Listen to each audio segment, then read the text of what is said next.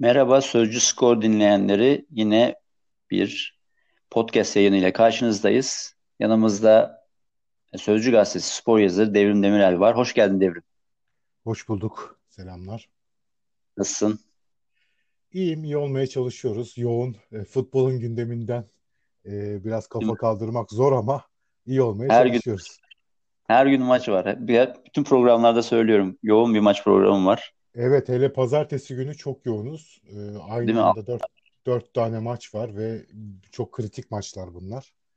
E, tabii Aynen. futbolun gündemi yoğun olunca açıkçası başka sporları konuşmaya da fazla zaman kalmıyor da denilebilir. Şimdi onu yıkmak için bugün biraz basketbol konuşacağız. Evet, Sen zaten bu konuda Türkiye'de en yetkin insanlardan birisin. O e, dinleyicilerimizden de e, işte basketbolla özellikle Fenerbahçe Beko'da ne olacak? E, son bir haftada özellikle Fenerbahçe Beko çok önemli transfer hamleleri yaptı. Evet. E, hem onu yorumlayalım istiyorum hem de Obradoviç sonrası Fenerbahçe yeniden bir yapılanmaya gidiyor. E, çok ciddi de bir Fenerbahçe Beko'nun nasıl yeni sezonda yapılanacağı ve yani nasıl bir başarılı olup olmayacağı merak ediliyor taraftarlar tarafından. Senden onu yorumlamanı isteyeceğiz aslında genel olarak. Ee, Şimdi şu, Şöyle Buyur. başlayalım istersen. Biliyorsun e, Obradovic'in gideceği dönemden sonra organizasyonun aşağı yukarı dağılacağını, ya yani dağılma derken hani bu o a, e, tırnak içinde dağılmak e, hı hı. parçalanacağını diyelim e, aşağı yukarı tahmin etmiş ve yazmıştık. E, evet. Tek e, giden oyunculardan aşağı yukarı ve koç değişikliğinden sonra giden oyuncuların kimler olduğunu aşağı yukarı herkes biliyor. İşte e, Kalinic ayrıldı, Datome gitti, Hı hı. Kokoşkov'un tabii burada en önemli soru işareti o. Önce bence koçu konuşmak lazım. Doğru. Diye düşünüyorum. Igor Kokoşkov. E, bana kalırsa sürpriz oldu yani benim için Kokoşkov ismi. Neden sürpriz oldu? Şöyle söyleyeyim. Kokoşkov çok iyi bir koç bir kere. Bunu söylemek lazım. Yani Sırp ekolünde bir kere Sırplar biliyorsun basketbolda yani Avrupa'da birkaç tane ekol varsa bunlardan biri Sırplar, biri Litvanyalılar. E, biraz da İspanyollar. E, Sırp ekolünün bir koçunun kötü olması tabii ki düşünülemez ve Fenerbahçe'ye de uygun bir koç olabilir. Kokoşko konusundaki tek soru işareti şu. Bugüne kadar hiçbir yarışmacı Avrupa takımını çalıştırmadı. Bir kulüp takımını. Yani kariyerin neredeyse tamamını NBA'de ve Amerika'da geçirmiş bir koç. E şimdi tabii sen de tahmin edersin ve bilirsin ki e, NBA'deki oyuncu yapısı, NBA'deki basketbol kültürü, e, Avrupa'daki basketbol kültüründen biraz farklı. Yani evet, hem oyuncu bazında hem takımların e, gidişatı tabii ki şimdi temel olarak baktığın zaman iki, o tarafta bu tarafta 80'er tane maç yapıyor gibi görünebilir ama tabii oyuncu yapıları çok farklı iki tarafın. Beklentiler farklı, orada dönen paralar farklı. Yani o e, Amerikalıların gap dediğimiz yani o fark çok var arada. Hı hı. Koşko bu farkı nasıl kapatacak? E, açıkçası benim aklımdaki soru işareti o. İyi bir koç, yıldızları iyi oynatan bir koç. Çünkü Slovenya biliyorsun İstanbul'da Avrupa şampiyonu yapmıştı. Ama o zaman elinde işte Luka Doncic gibi çok yani NBA'in bugün gelecekteki en büyük yıldızlarından biri vardı. Hı hı. Yani ki finalde de sakatlanmıştı ona rağmen ona, şampiyon olmayı bildiler o maçta.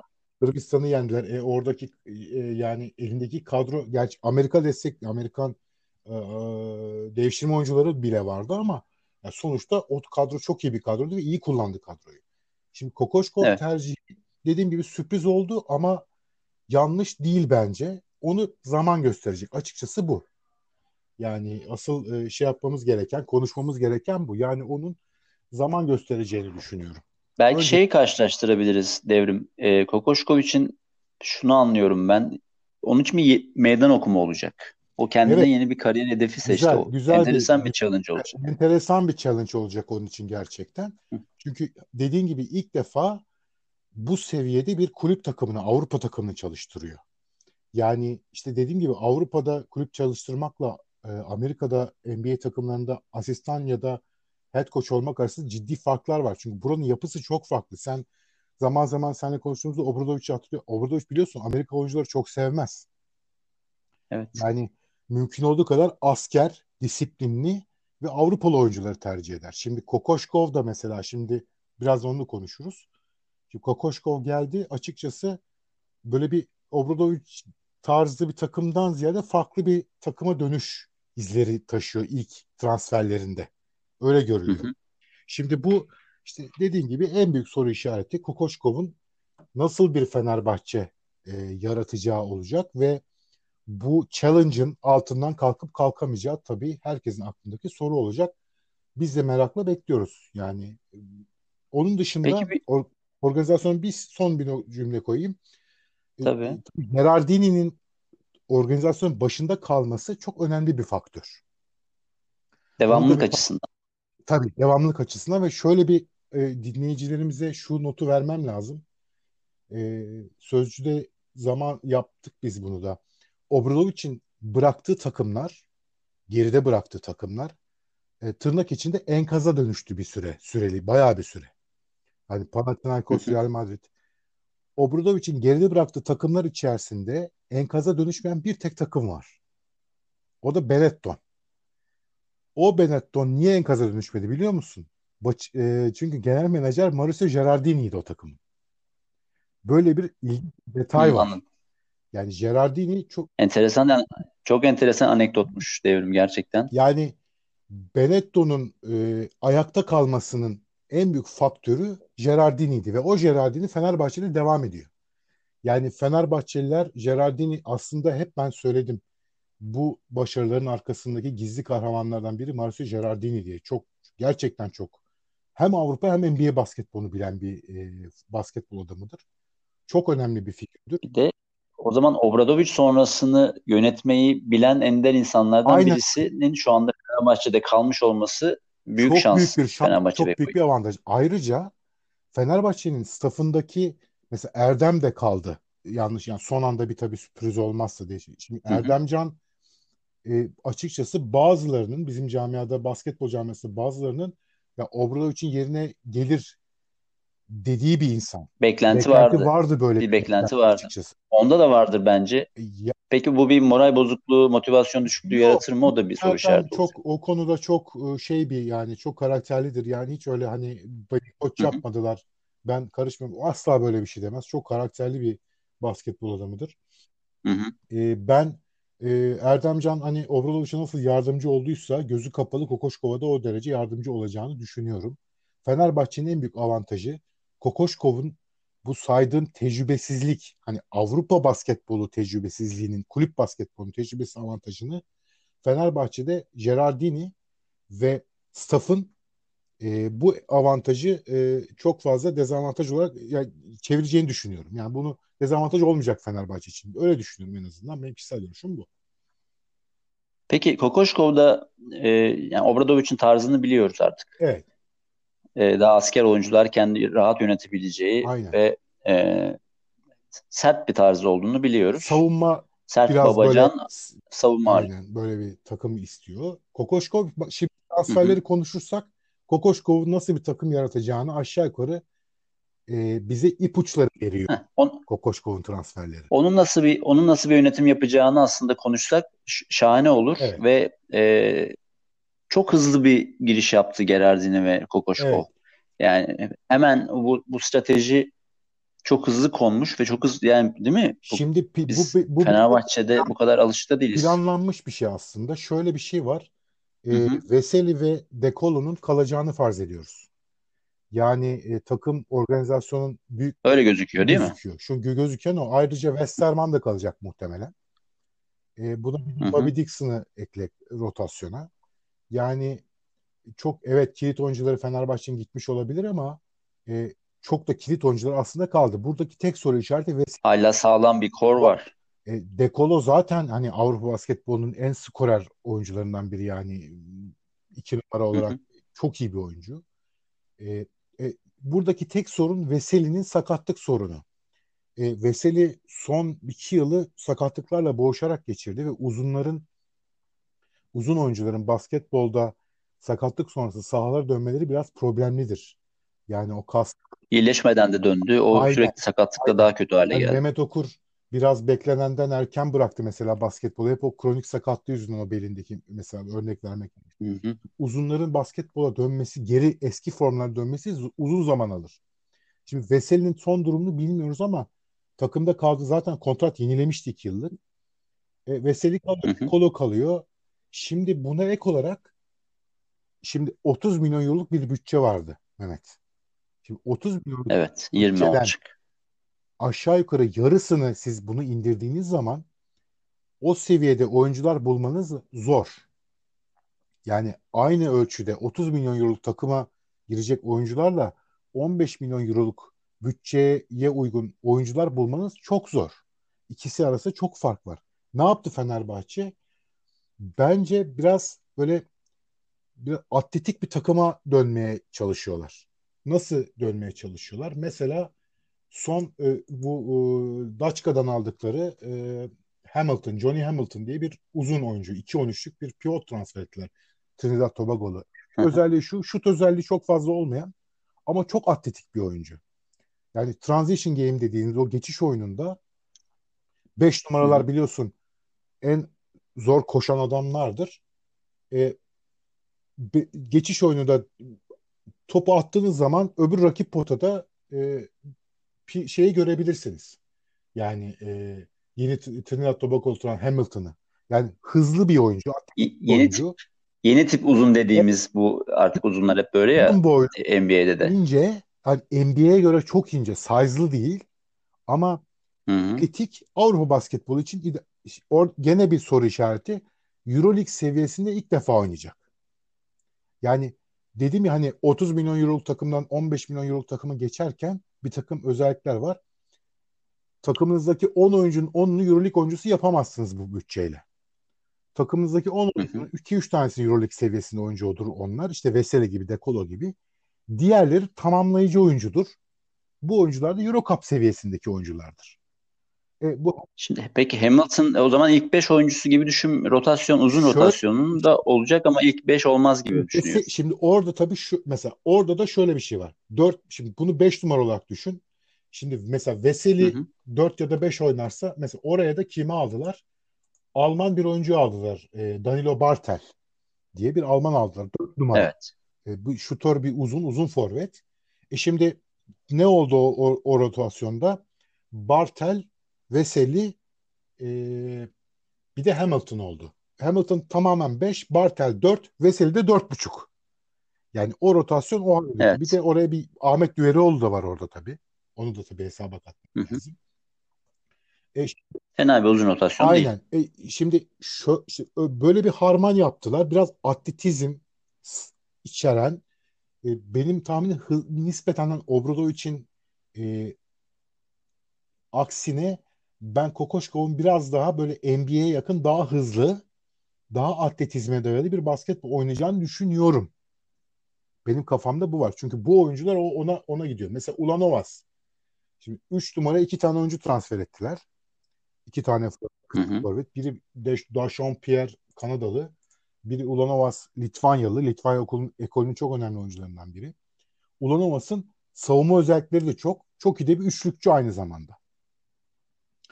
Ondan sonra e, Pierre Kanadalı bir oyuncu mesela o da Euroleague seviyesinde değil aslına bakarsan. Yani hep dediğim gibi 15 milyon euro bütçe tabii ki Fenerbahçe yönetimini biraz bir tık aşağıda oyuncular almaya zorladı.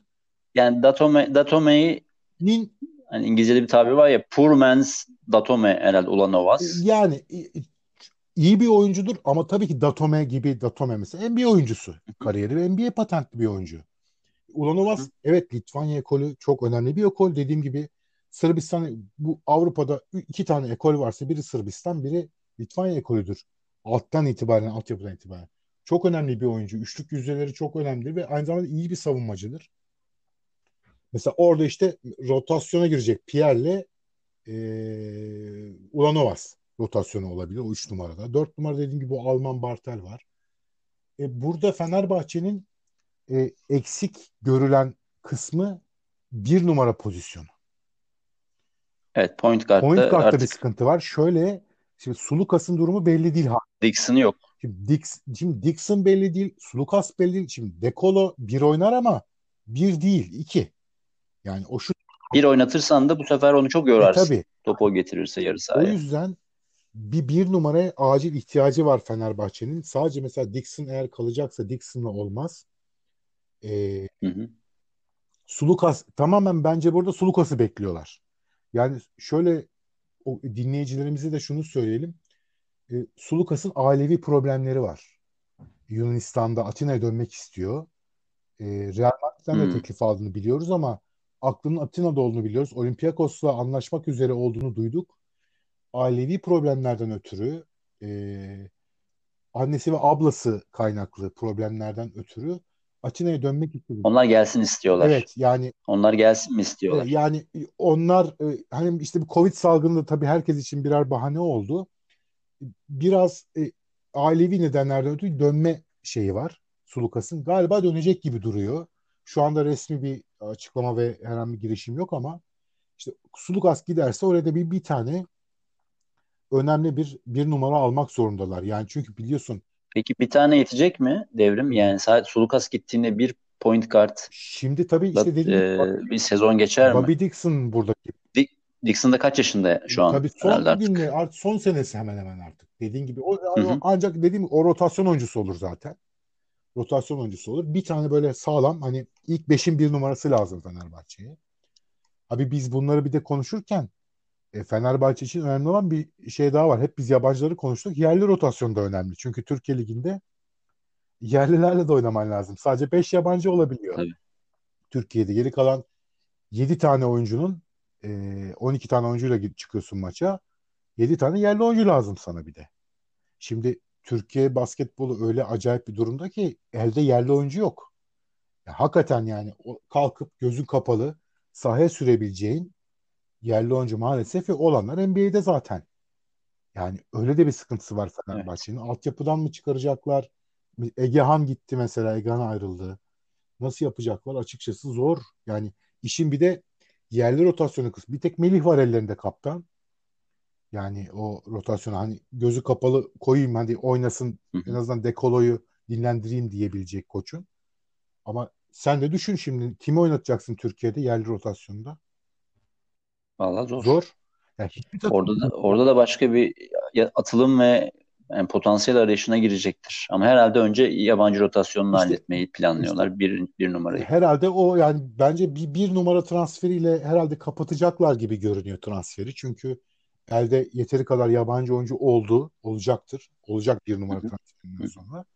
Sonra yerlilere bakacaklar. O yerliler için de artık tabii e, Gerardin de yavaş yavaş Türkiye'yi tanıdı. Mutlaka kafalarında yerli bir rotasyona girecek oyuncu e, listeleri vardır diye düşünüyorum.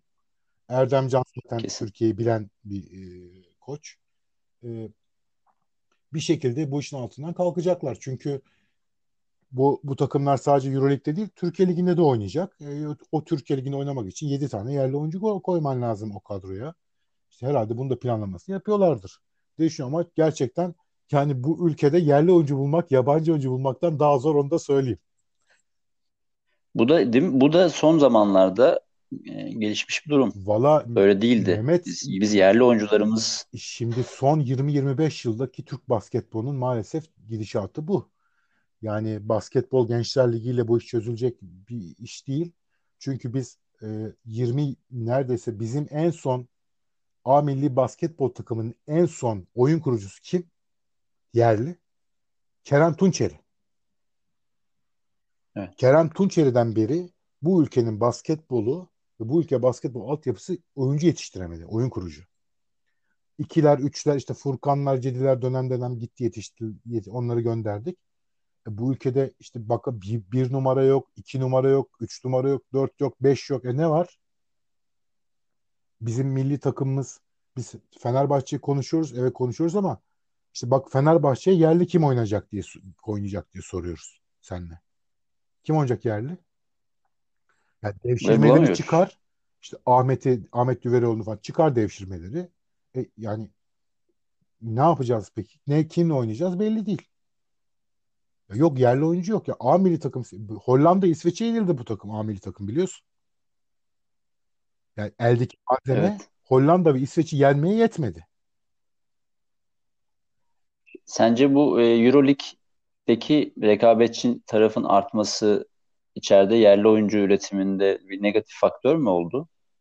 Ne diyorsun son? Ee, valla e, açıkçası Fenerbahçe ve Efes tabii Euroleague'de hedefi olan takımlar, önemli takımlar ve bizi Türk basketbolunu temsil ediyorlar öyle ya da böyle. Şimdi o seviyede tabii. mücadele etmek için e, eldeki yerli malzemeyle mücadele etmeniz imkansız. Yani hakikaten imkansız. Ya, o seviyede biz, biz İspanya gibi oyuncu yetiştiren bir ülke değiliz. Sırbistan gibi değiliz. E, Litvanya gibi değiliz. Bak onlara bak. Yani Sırbistan, e, Litvanya ve İspanyol takımlarının hep kilit oyuncuları İspanyoldur yani. Her takımda var böyle önemli İspanyol, Sırp ve Litvanyol oyuncu. E, bizde yok. Yani şimdi ben sana soruyorum. Türkiye'de Euroleague seviye yarı Euroleague'in herhangi bir takımda CSK'da üst düzey, CSK'da, Real Madrid'de, şimdi mesela Olimpia Milano'da Türk oyuncu görme ihtimalin var mı? Mevcut. Şey yok. Buzda. E, tabii bizde de şöyle bir şey var. Başarı baskısı Euroleague e, tarafında tabii. çok fazla. E, tabii.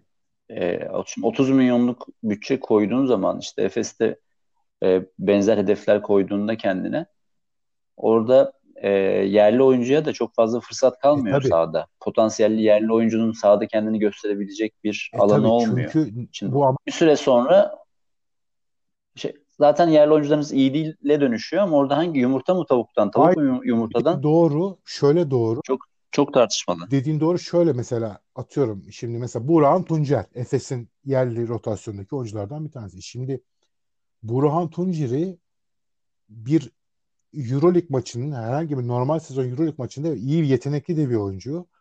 Herhangi bir Euroleague maçında ilk 5'te başlatabilirsin gerektiği zaman. Kullanabilirsin. Ama bir level tık hani bir level üste çıkmaları lazım. Bazı mesela playoff maçlarında. Mesela eleme maçlarında ya da bir çok önemli bir final maçında. E, güvenebilirsin de ama o onun sana şimdi bir Dekolo'ya mı güvenirsin ya da atıyorum Larkin'e mi güvenirsin, Burak'a mı güvenirsin? Şimdi öyle de bir kıyas yapman lazım. Şimdi evet iyi bir oyuncu ama ama hep aması var Türk oyuncular. Hep ama var. Bir, bir de bak birkaç tane sayabilirsin. Kaç tane sayabilirsin? Euroleague seviyesinde bizim hakikaten oyuncumuz yani. Euroleague ekstra bir seviye, bir level her e, şey, Euro Cup bile yani çok fark var arada. Hani biraz önce dedim ya Avrupa basketbolu NBA arasında hı hı. baya bir gap dedikleri o farktan var diye. E, Euroleague ile diğer ta, kulüp e, seviye turnuvalar arasında çok fark var. Yani bugün Euroleague'deki 4-5 takım, 4-5-6 takım yani çıksınlar sahaya. Yani bir FIBA'nın turnuvalarındaki bir Euro Cup takımlarıyla bir oynasınlar bakalım ne oluyor, kaç fark oluyor yani. Orada da çok büyük farklar var. E tabii ki basketbolda zaman zaman şey değişir ama yani iyi takım çok fark eder basketbolda. İyi takım. Çok önemli. Obradovic'e de Obradovic'e de bazen eleştiriler oluyordu. E tabii. E, yerli oyuncuları fazla göz ardı ediyor. E, şans vermesi gerektiği zaman hatta Biberovic'i bile verdi ama işte Sinan'ı çok kullanmadı. Ama Melih'i çok ya, kullanmadı e, dönem dönem Malzemeyi diye. düşünüyor. Şimdi bir seviyeden sonra yerli oyuncuya güvenmiyor yani. Çünkü neden? Şimdi, ma- şimdi düşünüyorsun bir, bir de ha, Obradovic'in hep ben bir parantez açıp orada şey gibi bir şey söyleyeyim. Obradovic'in bugüne kadar Avrupa basketboluna genç gençten alıp e, yıldızlaştırdığı bir tane oyuncu saysınlar bana. Sen sayabilir misin? Çok gençten yok. Hani böyle yıl, zaten yıldız potansiyeli olup potansiyeli da olan çok büyük yıldız parlatmakla ünlü Obradovic. Evet. Yani mesela Bogdanovic örneğini verebiliriz yani. Bogdanovic örneklerini hatta. Evet. Obradovic'in eline geldiğinde zaten potansiyelli bir oyuncuydu. Onu iyi kullanarak NBA'ye gönderdi Obradovic. Hep böyle yaptı. Evet. Mesela Obradovic Luka Doncic gibi bir oyuncu Obradovic çıkartmadı kariyeri boyunca. Öyle bir koç stili var onun. Bunu kimisi eleştirebilir. Evet. Önce kazan. Önce kazan. Yani Obradovic önce kazan. Evet, aynen. O, o tip bir koç o. Şimdi onun özelliği o. Her koçun evet. farklı özelliği vardır. O da onlarda mesela Ergin Ataman'ın farklı bir özelliği vardır. Ee, işte Obradovic'in farklı bir özelliği vardır. Messina farklıdır. Yani her koçun kendine özgü bir yapısı var. O da onun yapısı.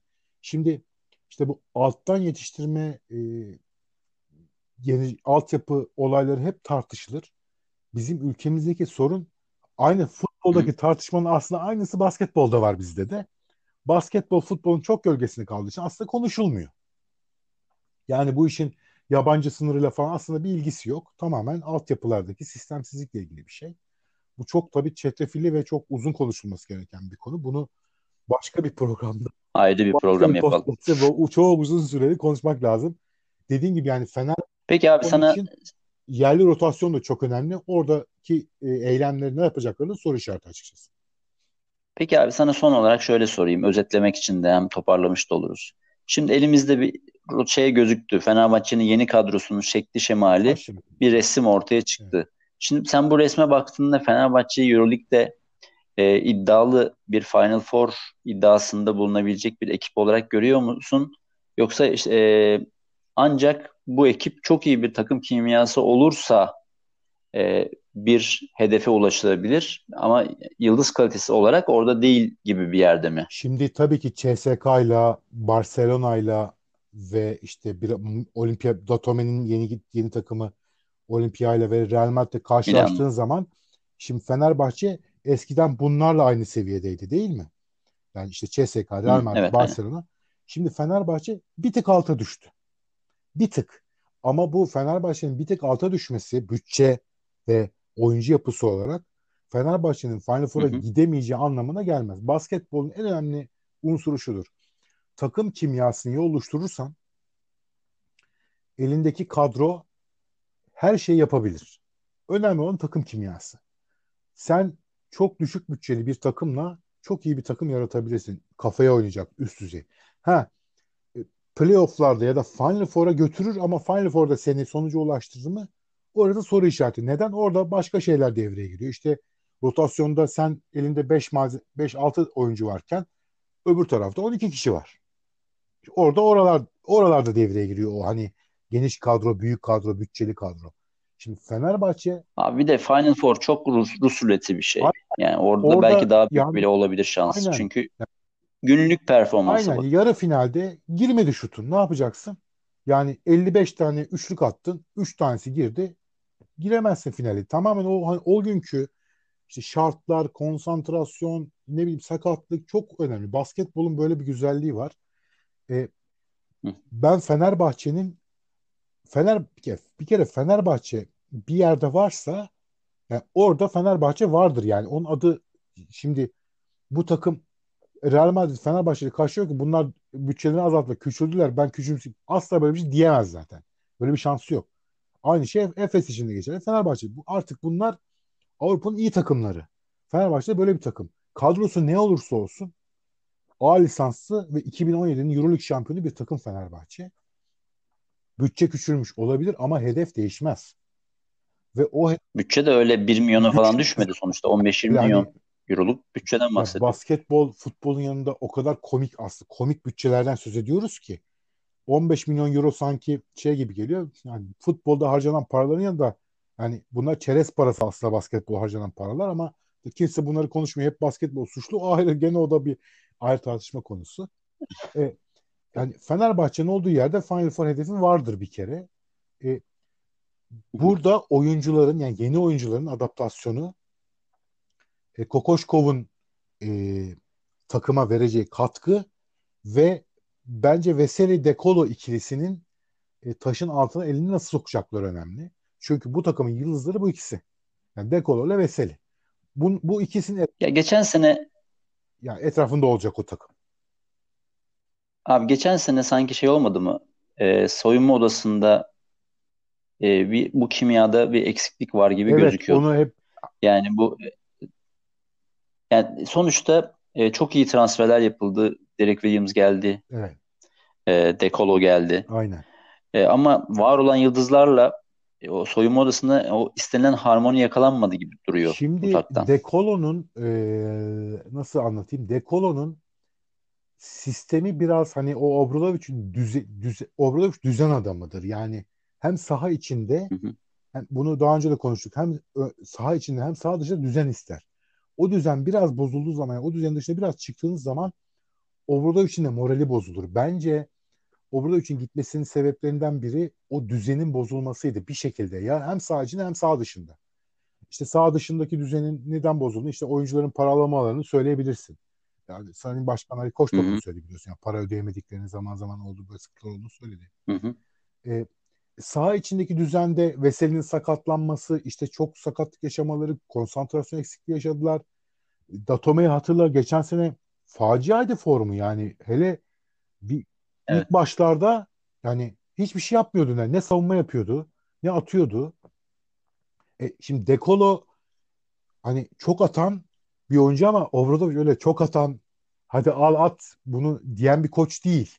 Yani o böyle topu paylaştırmayı seven bir adam.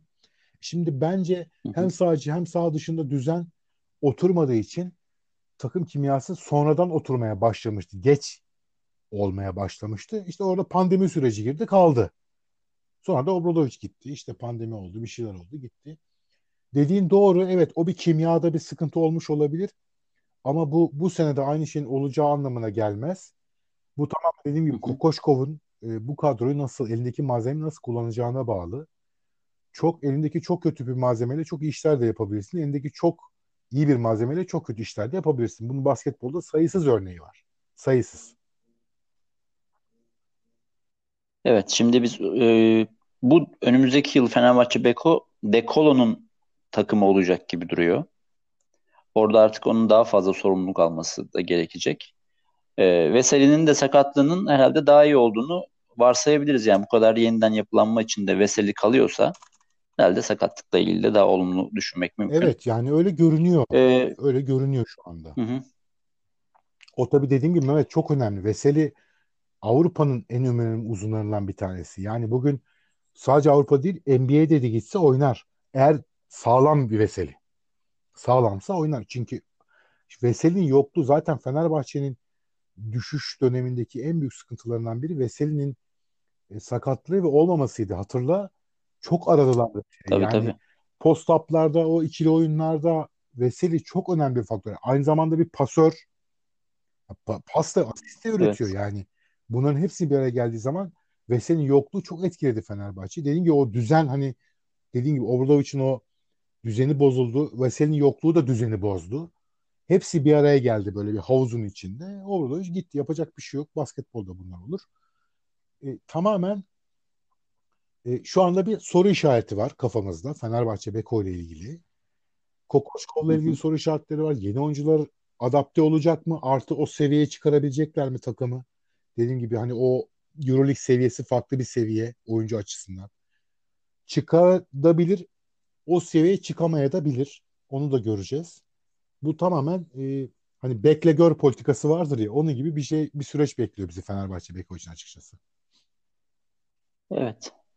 Devrim çok teşekkür ederim. Ben Yani Fenerbahçe Beko'nun bu yeniden yapılanması ile ilgili son hamleleri e, senin bu yorumlarınla kafamızda çok daha iyi oturdu bence.